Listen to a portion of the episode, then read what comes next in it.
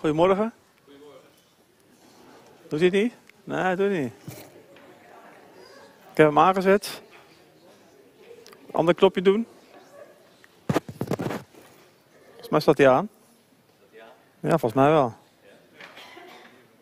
Je hoort hem daar wel, maar de rest hoort hem niet. Nou, wat interessant. Ah, ah, ah wacht, wacht, wacht. Er is, uh, er is geluid. Nou, fijn, dan kunnen we elkaar ook horen. Tenminste, kunnen jullie mij horen. Uh, ja, Bert de Ruiter, kom uit Amsterdam. Uh, vanmorgen moest ik even een stukje omrijden om naar Apeldoorn te komen. Maar het is fijn om hier te zijn. ja, het is een, we hebben net gezongen, God regeert. dan gaat het thema van deze dienst Oh, dat zien jullie al achter mij staan hier. Denk ik, ja, dat, dat is, God regeert en toch, en toch, het zullen jullie niet ontgaan, dat er ook wel eens meningsverschillen zijn. Misschien in deze kerk niet, ik ken jullie niet zo goed. Uh, ach, begint te lachen, dat betekent uh, waarschijnlijk, maar goed, hoe dan ook. De corona-crisis heeft de afgelopen jaren een groot deel van de wereld in haar greep gehouden. Het begint misschien weer terug te komen, ik weet het niet. Er ging geen dag voorbij of we hoorden niet de, de, laatste besmettingscijfers, ziekenhuisopnamen en veel gesprekken met vrienden en bekenden. Daar kwam de corona wel op een of andere manier voorbij. Uh, het heeft enorme impact gehad wereldwijd. Uh, miljoenen mensen zijn gestorven. veel mensen kampen nog steeds met een post-COVID-probleem. Kinderen hebben leerachterstand opgenomen, opgelopen. Ik hoorde van de week nog dat, dat jongelui ook, ook in psychische problemen zijn geraakt vanwege de, de, de isolatie van lange tijd. Corona heeft enorm veel schade toegebracht in bijna alle landen van de wereld. Gelukkig zijn er vaccins, zou je denken. Maar nee, want ja, misschien zul je zeggen, nou, de cijfers, als je de cijfers mag geloven, zijn er veel minder mensen ziek geworden dan, dan anders. Trouwens, u zegt dat ik de cijfers kan geloven. Uh, zijn die cijfers wel betrouwbaar? Hebben de regeringen en de farmaceutische industrie er geen belang bij om alles op te kloppen? Zodat ze de controle kunnen uitoefenen en de wereld naar hun hand kunnen zetten. En dan beland je zomaar in een gesprek over complottheorieën en de Great Reset. En het alles speelt zich niet alleen maar af in de samenleving, maar ook uh, in actualiteitenprogramma's op, uh, op, televisie, in de gezinnen, in de huiskamers, op de vergaderingen. Zelfs op gebijbelstudies en kringavonden van de gemeente of gemeentevergaderingen. Christenen zijn namelijk niet immuun voor corona, evenmin als voor de polarisatie die als gevolg daarvan uh, denken van veel mensen heeft beïnvloed. Ook christenen hebben elkaar verwijten gemaakt, we hebben elkaar verketterd, schande van de ander gesproken, elkaar ontlopen, hoe pijnlijk is dat? Meningsverschillen verdelen de kerk en soms wordt er om de lieve vrede wil het onderwerp maar helemaal gemeden.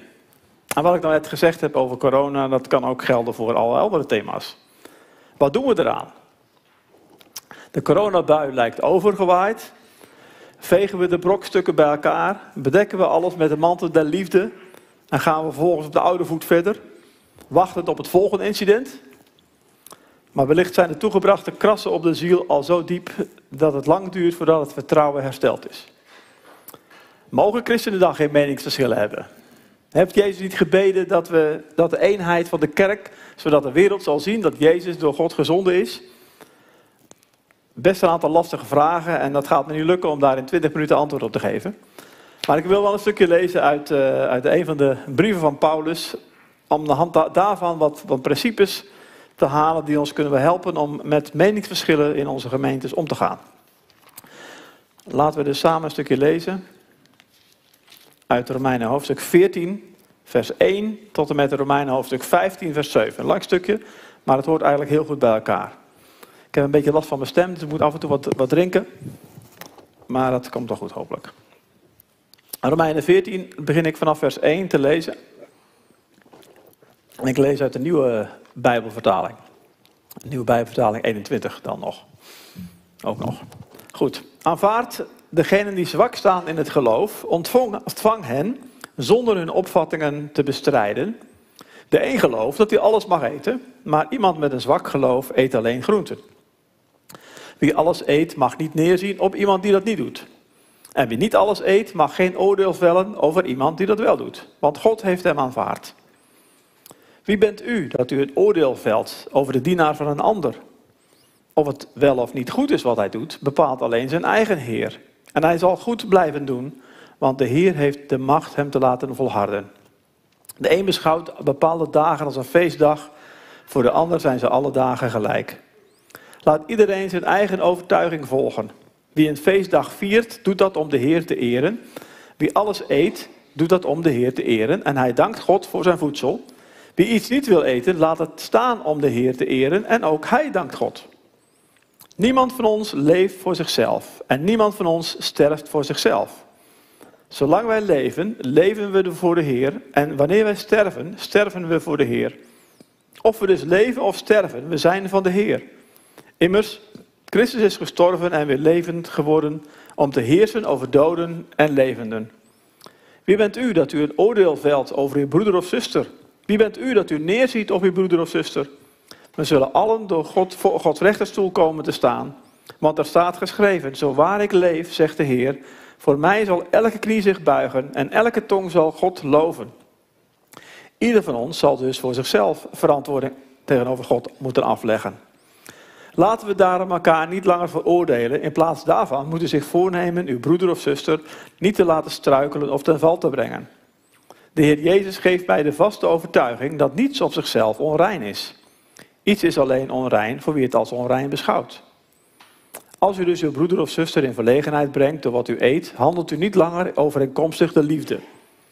Laat hen voor wie Christus gestorven is niet verloren gaan door het voedsel dat u eet. Breng het goede dat God u schenkt geen schade toe. Want het koninkrijk van God is geen zaak van eten en drinken, maar van gerechtigheid, vrede en vreugde door de Heilige Geest.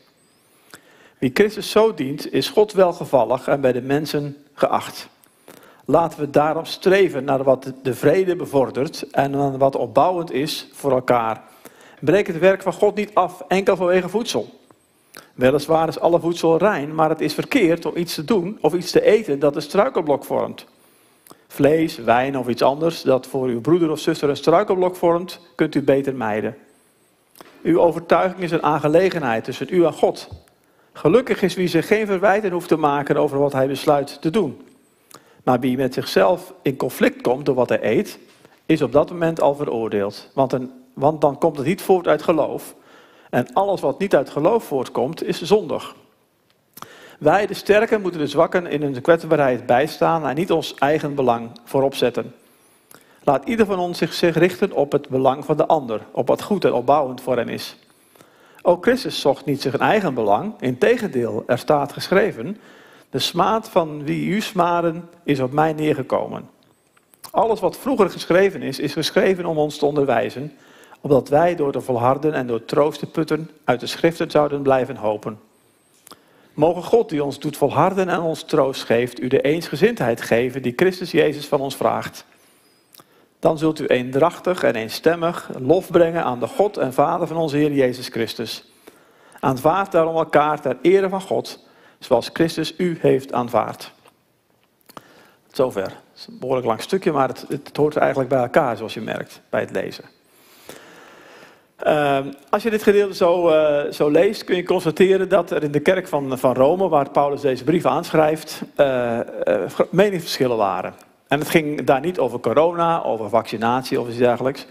Um, of over het tekenen van de eindtijd, of over Gods plan met Israël, of over homoseksualiteit, of over vrouwen in het ambt. Maar het ging daar over het eten of niet eten van bepaalde voedsel en over het houden van bepaalde dagen. Nou, de gemeente bestond uit christenen van zowel Joodse als niet-Joodse afkomst. Sommigen waren al langer volgelingen van Jezus en anderen waren nog maar pas bekeerd. Uh, en gewoontes en gedrag en, en, en opvattingen die mensen van huis uit hadden meegekregen, die oefenden in meerdere of mindere mate nog invloed uit op uh, levens van alle dag. En natuurlijk dat is vandaag de dag niet anders. Wanneer je tot geloof komt, dan neemt de Heilige Geest intrek in je leven. En gaat met jou aan de slag. Gaat met Gods vernieuwingswerk in je leven aan de slag. Hij pakt je manier van denken aan. Hij opent je ogen voor gewoontes die niet meer passen bij een volgeling van Jezus. En helpt je daarmee af te rekenen. Hij ontdekt je aan jezelf en maakt je duidelijk dat God onbeschrijfelijk veel van jou houdt. En dat hij onvoorwaardelijk accepteert. Maar tegelijkertijd dat er nog heel veel puin en pijn in je leven is. Wat opgeruimd moet worden. En dat vernieuwingsproces, dat gaat je hele leven lang door. Je bent een kind van God en staat zogezegd in de stijgers. God maakt een prachtig bouwwerk van je. Een tempel tot zijn eer en heerlijkheid. En dagelijks schuurt hij en, en, en, en, en schaaft hij, bijtelt hij en kneedt hij en hakt hij aan je. En langzaam maar zeker wordt Christus steeds meer zichtbaar in je leven. Je bent zolang je op aarde bent Gods werk in uitvoering. Ja, de vrucht van de geest begint zich te rijpen. Liefde, blijdschap, vrede, langmoedigheid, goedheid, trouw, zachtmoedigheid, vriendelijkheid, zelfbeheersing enzovoort. Maar het oude is nog niet weg en steekt bij tijd en wijle ook de kop nog op. Boosheid, jaloezie, onreinheid, hebzucht. We weten dit van onszelf uh, en verdragen daarom onze onhebbelijkheden wel. En hebben heel veel geduld met onszelf. Maar hetzelfde proces vindt niet alleen bij onszelf plaats, maar ook bij de broeder of zuster die naast ons zit in de kerk. En daarom kan het af en toe zo botsen tussen ons. En dat is eigenlijk meteen de eerste les van dit gedeelte. Eventjes trouwens mijn, uh, mijn beamer. Uh, kijk. Eerste les, dat is meningsverschillen maken een normaal onderdeel uit van elke gemeente. Dat betekent onder meer om de oproep om eensgezind te zijn, die ook veelvuldig in de Bijbel voorkomt. Uh, in ook wat we net hebben gelezen. Niet betekent dat we allemaal dezelfde mening hebben. Eensgezindheid is niet hetzelfde als uniformiteit. En het tweede dat me opviel bij dit Bijbelgedeelte, is dat het goed is dat iedere gelovige een eigen overtuiging heeft. We hebben dat gelezen. Laat iedereen zijn eigen overtuiging hebben. Je zou denken dat de Bijbel ons aanspoort om maar geen overtuiging te hebben. Zodat je flexibel bent en verdraagzaam en buigzaam. Je zou denken, iemand zonder overtuiging maakt geen ruzie en voorkomt een meningsverschil. Je kunt geen meningsverschil hebben als je geen mening hebt, toch? Maar het is niet Gods bedoeling dat christenen geen mening hebben, geen overtuiging, geen opvatting hebben.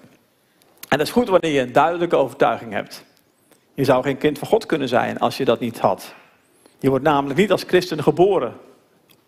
Ook al zou het christelijk geloof je met de paplepel zijn ingegeven, eh, dan nog is er een moment in je leven gekomen dat je besloten hebt om Jezus te volgen. Of iets anders te doen. Je hebt een keuze gemaakt. Gods geest heeft in je leven gewerkt en je hebt, is tot overtuiging gekomen dat dat de waarheid is en je leeft vervolgens met Jezus. En overtuiging hebben is belangrijk. Het maakt deel uit van je, een gezond, volwassen, uh, geestelijk leven. Je hoeft niet over alles een mening te hebben, dat lijkt tegenwoordig uh, zo vanzelfsprekend te zijn. Maar een mening over bepaalde zaken, de belangrijkste zaken in het geloof, is toch wel heel belangrijk. Het is mogelijk dat het is nodig dat we overtuigd zijn dat wat we doen in het dagelijks leven goed is. En als we dat doen, als we een mening hebben, een overtuiging, dan zijn er drie dingen belangrijk die we hebben gelezen. Namelijk dat onze mening, overtuiging, opvatting geen zonde is. Dat het tot eer van God is. Eh, en dat het de beste weg is voor mij om te gaan als volgeling van Jezus. In gehoorzaamheid aan Hem. Nou, de, onze mening, onze opvattingen, die worden gevormd door de opvoeding, door onze opleiding, door de levenservaring, door de Bijbel die we lezen, door de Bijbelkring waar we naartoe gaan misschien, door onze gesprekken met mensen, door onze boeken die we lezen, enzovoort, enzovoort. Je hebt kennis opgedaan, je hebt er over nagedacht en iets dunkt je goed, iets dunkt je belangrijk en waardevol. Zo ontstaat je overtuiging. Het is iets van jezelf. Je kunt het van anderen hebben gekregen, maar het is toch iets van jezelf. En het is belangrijk dat Gods stem daarin een belangrijke rol speelt. Want onze mening maakt onderdeel uit van onze relatie met God. Onze mening doet ertoe voor God. Omgekeerd is het natuurlijk ook waar. God moet er ook toe doen in onze opvattingen. Onze overtuigingen dienen in overeenstemming te zijn met de waarheid van God. Met andere woorden, mijn overtuiging mag niet in tegenspraak zijn met wat God wil. Met God kunnen wij geen meningsverschil hebben. Zijn wil dient voor onze wetten zijn. Zijn woord het hoogste gezag. Het belangrijkste doel van ons leven dient te zijn om God te behagen, om Hem te eren, of voor Hem te leven, om Hem te gehoorzamen. We hebben dat gelezen in, de, in het versen die we hebben gelezen. Niemand van ons leeft voor zichzelf. Niemand sterft voor zichzelf. Zolang wij leven, leven we voor de Heer. En als volgeling van Jezus leef je dus niet voor jezelf, maar je leeft voor God. Dat betekent ook wat we gelezen hebben, dat je overtuiging een aangelegenheid is tussen u en God. En het is belangrijk dat we onze overtuigingen vormen in gehoorzaamheid aan Gods woord. En het is belangrijk dat we onze overtuigingen ook keer op keer in open handen bij God neerleggen. Onze overtuigingen kunnen veranderen namelijk. Er zijn dingen waar ik nu van overtuigd ben, waar ik 30 jaar geleden toen ik christen werd niet van overtuigd was. Of andersom. Dingen waar ik toen stellig voor de straat op zou gaan, daar denk ik nu anders over. Gods geest kan ons dingen laten zien die anders zijn dan dat we vroeger dachten. Elke overtuiging dient een geloofsovertuiging te zijn. En wanneer je overtuigingen brengt in het licht van Gods tegenwoordigheid, kan het zijn dat God die duidelijk maakt, joh, broeder, zuster, kind van mij, dat denk je wel, maar uh, dat kan nog wel eens uh, niet, meer juist zijn. En misschien is het zelfs wel helemaal radicaal fout, zondig. En in dat geval is het belangrijk om het op te ruimen. Misschien is een mooie opdracht voor uh, straks na de preek bij de koffie. of voor jezelf. Een top 10 maken van dingen waar nou je zegt, nou dat zijn mijn sterkste overtuigingen. Daar, dat, daar ben ik 100% van overtuigd. En dan te bekijken, van, ja, zijn die overtuigingen eigenlijk wel tot, tot eer van God?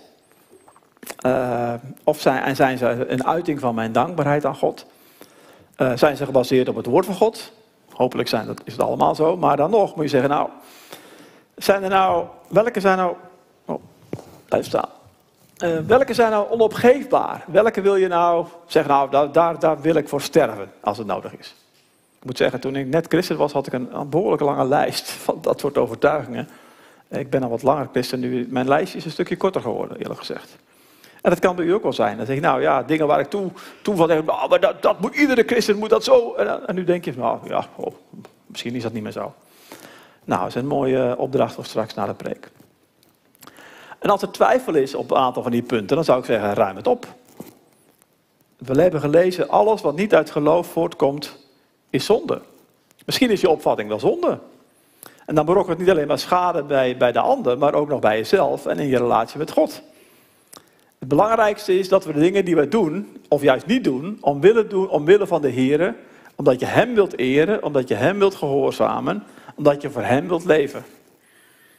Omdat je met, in alles wat je doet met Hem rekening wilt houden. Niet omdat je populair wil zijn, of omdat je tegen draad wil zijn, of omdat je, maar omdat je echt voor Hem wil leven. Het is belangrijk dat je bij wat je doet, hebben we gelezen, God kunt danken. Als je er God niet voor kunt danken, kunnen we het beter nalaten. En natuurlijk, onze overtuigingen beginnen niet alleen maar in onze gedachten, maar die uiten zich natuurlijk ook in onze woorden en uiten zich ook in ons gedrag. Ook al is het belangrijk dat we niet eigen baas zijn. Er zijn geen geestelijke ZZP'ers uh, in het uh, Koninkrijk van God. We zijn allemaal dienaren van Jezus Christus. We zijn met zijn bloed gekocht en betaald. Hij is ook voor hen gestorven, voor onze broeders en zusters, waar wij misschien van meningen van verschillen. Hij is ook hun eigenaar. Hij zal ook ons ter verantwoording roepen en hen ter verantwoording roepen. Zoals we gelezen hebben. Wij allen zullen voor de rechterstoel van God komen te staan. Wij allen. En we zullen voor onszelf verantwoording afleggen aan God. Dat hebben we nu toe gezien. Een tussenbalans zou ik kunnen zeggen. Uh, een mening hebben, een overtuiging hebben is belangrijk. Dat is goed, dat is niks mis mee. Belangrijk wel dat onze overtuigingen overeenstemming zijn met het woord van God. Derde is dat onze overtuigingen niet altijd statisch zijn. Zeg, nou, dat heb ik nou al 30 jaar zo geloofd en dat zal ik zo tot mijn dood toe blijven geloven. Nou, misschien, ja, wacht even, misschien moet daar wel wat uh, gaan veranderen. Misschien kan de Heilige Geest dingen aanpassen. Onze overtuigingen zijn een uiting van onze eerbied en dankbaarheid aan God. Het is om, om Hem te bedanken, om Hem te eren, om hem, voor Hem te leven. En het is een zaak tussen God en ons. Tegenover Hem dienen wij verantwoording af te leggen van ons leven. En dat geldt natuurlijk niet alleen voor ons, dat geldt ook voor onze broeders en zusters, die een andere mening of een overtuiging hebben. Of die de Bijbel anders interpreteren dan wij. Of die hun geloof anders beleven dan wij. Of die een gehoorzaamheid aan Jezus anders invullen dan wij. We mogen ervan uitgaan dat ook hun overtuiging tot stand gekomen is met behulp van de Heilige Geest. We mogen ervan uitgaan dat zij ook zij niet voor zichzelf leven, maar voor God. We mogen ervan uitgaan dat ook mijn broeder en zusters verlangen om in alles wat zij doen God te eren en te danken. Het is belangrijk dat het mogelijk is dat iemand die een overtuiging heeft die radicaal anders is dan die van mij, toch ook God kan eren en danken. Dat is nogal lastige. Tegenovergestelde meningen kunnen beide God verheerlijken. Dan denk ik, ja, hoe kan dat nou? Ik heb gelijk toch? Ja, wie weet. tegenovergestelde meningen kunnen beide God verheerlijken. En dit te weten, dat heeft enorme gevolgen voor onze manier van omgaan met onze broeders en zusters, met wie wij van mening verschillen. Of het nou gaat over corona, over eten, over drinken, over de Heilige Geest, over Israël, over de wederkomst van Jezus, over de doop, over de liederen. Weet ik veel wat. Het kan van alles zijn. E- evenals mijn overtuiging in de eerste plaats een zaak is tussen God en mij, is de overtuiging van mijn broeders en zusters ook in de eerste plaats een zaak tussen God en hen. Het gevolg daarvan is dat het niet aan mij is om deze overtuiging te veroordelen of te minachten. Evenals ik dankbaar ben dat God mij heeft aanvaard, ondanks dat er van alles nog op mij aan te merken valt, dien ik steeds weer te realiseren dat God ook mijn broeder of zuster heeft aanvaard. Evenals ik mag geloven dat God mij wil leiden op mijn weg en van mij voor struikelen wil behoeden, mag ik ervan uitgaan dat God ook bij macht is hetzelfde te doen in het leven van mijn broeder of zuster, met wie ik van mening verschil. Evenals de Heilige Geest in mijn leven kan werken, kan hij ook in het leven van mijn broeder of zuster werken. Net als bij mij kunnen ook hun overtuigingen veranderen, al nagelang de Heilige Geest hen leidt. Ik hoef deze rol van de Heilige Geest niet over te nemen. Er zijn mensen die, die, die, houden ervan om de soort rol van de Heilige Geest te spelen in het leven van een broeder of zuster. Dat hoeft niet. Vertrouw God daar maar voor. Bezorgdheid om het geestelijke welzijn van mijn broeder of zuster mag niet verworden tot het veroordelen of minachten van een knecht van iemand anders, namelijk Jezus Christus.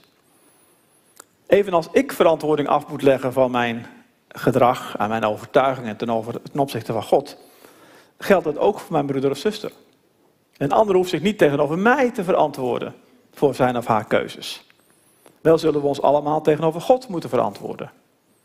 Daarom kan ik beter het oordeel aan God overlaten, in plaats van zelf als een soort politieman door de gemeente te gaan. Onze overtuiging, wanneer deze is ontstaan vanuit de omgang met God en onder leiding van de Heilige Geest, is nuttig, waardevol, belangrijk, kostbaar. Je kunt er hele mooie dingen mee doen, maar je kunt er ook hele verschrikkelijke verkeerde dingen mee doen. We kunnen onze, onze overtuiging gebruiken om te bouwen of om af te breken. We kunnen door onze overtuiging schade toebrengen aan onze broeder of zuster of aan de gemeente. Schade door het minachten van je broeder of zuster. Je vindt zijn opvattingen ondergeschikt dan die van jou. Je hebt er alles op aan te merken. Je klopt niet met je opvattingen over de Bijbel. Je begint te oordelen, veroordelen. Je wilt hem of haar ter verantwoording roepen. Alsof jij God bent. Alsof die ander jouw knecht is. Oh, maar hij of zij is, net als jij, een knecht van Jezus, van God. En als er iets aan mankeert, dan is God bij machten daar ook te corrigeren. Misschien zie je het best scherper dan die ander. Misschien heeft God je wel lessen geleerd die die ander nog moet leren. Zo so be het. Maar jij, de belangrijkste leermeester is God en niet jij. Durf je God te vertrouwen om de onzuiverheden van de ander aan hem of haar duidelijk te maken? Of denk je dat jij die rol op je moet nemen? Schade kan ook toegebracht worden wanneer je denkt dat je op elke gemeentebijeenkomst je mening moet laten horen. Voegt het iets toe aan het welzijn van de gemeente? Komt het de eer van God of de eenheid van de gemeente ten goede? Wordt de ander erdoor opgebouwd? Bevordert je hiermee de vrede en de onderlinge opbouwing, zoals we gelezen hebben? Je kunt ook met jouw mening tweedracht zaaien. Het werk van God afbreken, schade toebrengen aan je broeder of zuster. Je mening voor je houden kan nog wel eens een betere manier zijn om aan de opbouw van de gemeente mee te werken dan je mening te, te geven. De barometerstand bij veel gemeentevergaderingen zou aangeven hete hoofden, koude harten. Weet niet hoe het hier is, maar ik, ik kom in veel gemeentes en nou, eigenlijk hoor ik daar wel vaak hetzelfde. Ja, gemeentevergaderingen zijn niet de, de meest christelijke plek om te zijn. De meningen vliegen over tafel en met vele emoties worden onze, wordt de waarheid benadrukt. Maar de liefde is soms ver te zoeken. Natuurlijk, er zijn heel veel zaken waar we van mening over kunnen verschillen. Moeten we een extra betaalde medewerker aantrekken? Welke liedjes gaan we zingen in de kerk? Mogen we vrouwelijke mensen hebben als, als, als spreker? Hoe gaan we de dienst inrichten? Hoeveel geld moeten we besteden aan een zending? Nou, er zijn tig dat, dat soort thema's waar je van mening over kunt verschillen. En natuurlijk is het goed om daar een goede, onderbouwde bijbelse mening over te vormen. Zolang deze maar in overeenstemming is met de eerdere criteria die ik noemde, namelijk eer van God, dankbaarheid, overeenstemming met zijn woord, respect voor broeders en zusters. Maar om deze meningen door middel van hete hoofden, koude harten uit te dragen, is niet zoals God bedoeld heeft. Broederliefde geeft ruimte aan meningsverschillen. We worden in dit Bijbelgedeelte dat we hebben gelezen aangespoord om overeenkomstig de liefde te handelen. En we zien hoe, hoe dat er concreet uitziet. Betekent aanvaarden. Je broeder of zuster aanvaarden zoals Christus jou aanvaard heeft. Met tekortkomingen, met zwakheden. Je weet dat je niet volmaakt bent. En toch weet je door Christus aanvaard. Vraag God je te helpen op dezelfde basis je broeder of zuster met wie je van mening verschilt te aanvaarden en lief te hebben. Je broeder of zuster te verdragen of verdragen. Dat betekent zoveel geduld met hem of haar hebben als God met jou heeft. Ik heb een vriend die is uh, al jarenlang christen. Uh, en hij was verslaafd aan roken. En ik heb hem daar meerdere op aangesproken. Ik zeg, joh, je kan niet Jezus volgen en, verslaafd zijn aan roken. Dat gaat niet samen. Dat was uh, 16, 17 jaar geleden dat ik dat meerdere keren tegen hem zei. Hij rookte nog steeds. Onlangs, drie weken geleden, zei hij: ik, ik, ga stoppen met roken. Want ik kan niet verder met Jezus als ik, als ik doorga met roken. Denk, hè. Maar het heeft dus 17 jaar geduurd. En ondertussen is hij met, met Jezus gewandeld, is hij oudste geweest in de gemeente en allerlei andere zaken gedaan voor God. En dan denk ik, wauw, God 17 jaar lang geduld met deze man gehad heeft. Om iets wat ik al 10 jaar, 17 jaar lang geleden al wist dat niet klopte. Ja, soms moeten we dat geduld met elkaar. Als God zoveel geduld met mij kan hebben en met hem, hebben wij dan niet hetzelfde mate van geduld met elkaar? Dus verdragen hoort daar wel bij, denk ik. Je broeder of zuster geen aanstoot of ergernis geven. Misschien is je broeder of zuster wel overgevoelig over bepaalde punten. Houd daaraan rekening mee. Kleineer hem of haar niet. Maak hem of haar niet belachelijk. Misschien is hij nog maar net bekeerd en is het licht van Gods geest nog niet op elk terrein in het leven doorgedrongen. Heb geduld. Voorkom dat deze broeder of zuster door jou toedoen struikelt.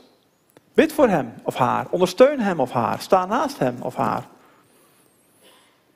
En het vierde wat hier eh, naar voren komt is: maak jezelf ondergeschikt aan het geestelijke opbouw van je broer of zuster. Als navolger van Jezus, die niet zichzelf behaagde, maar God, worden wij opgeroepen om de ander te dienen, om tot zijn of haar welzijn. Onze vrijheid van meningsuiting is ondergeschikt aan broederliefde.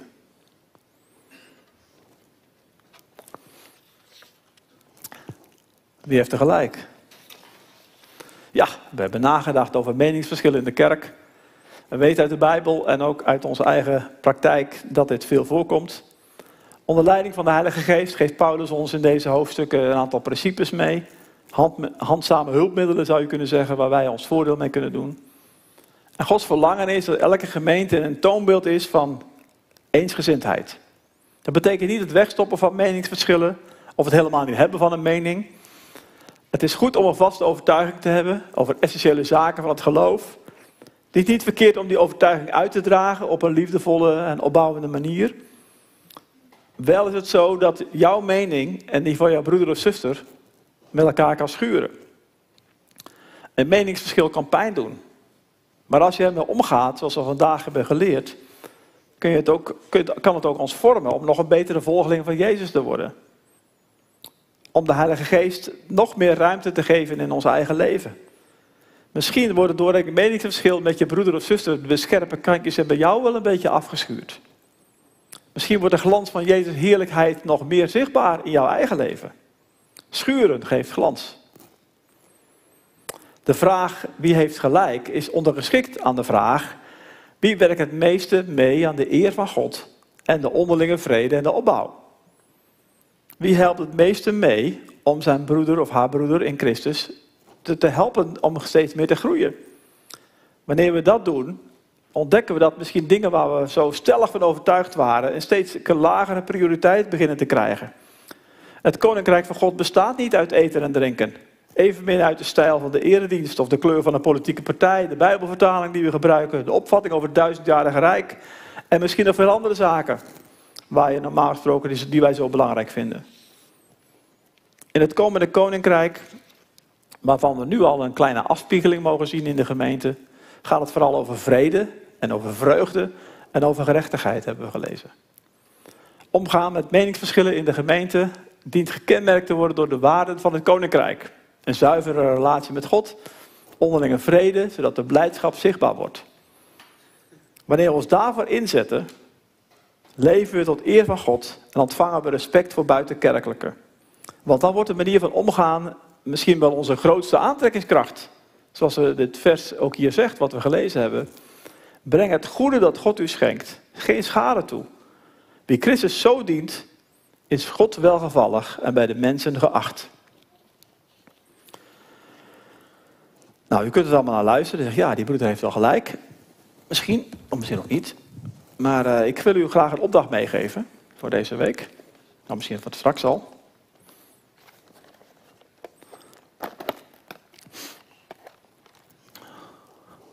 Juist. Ik heb hier een stukje schuurpapier.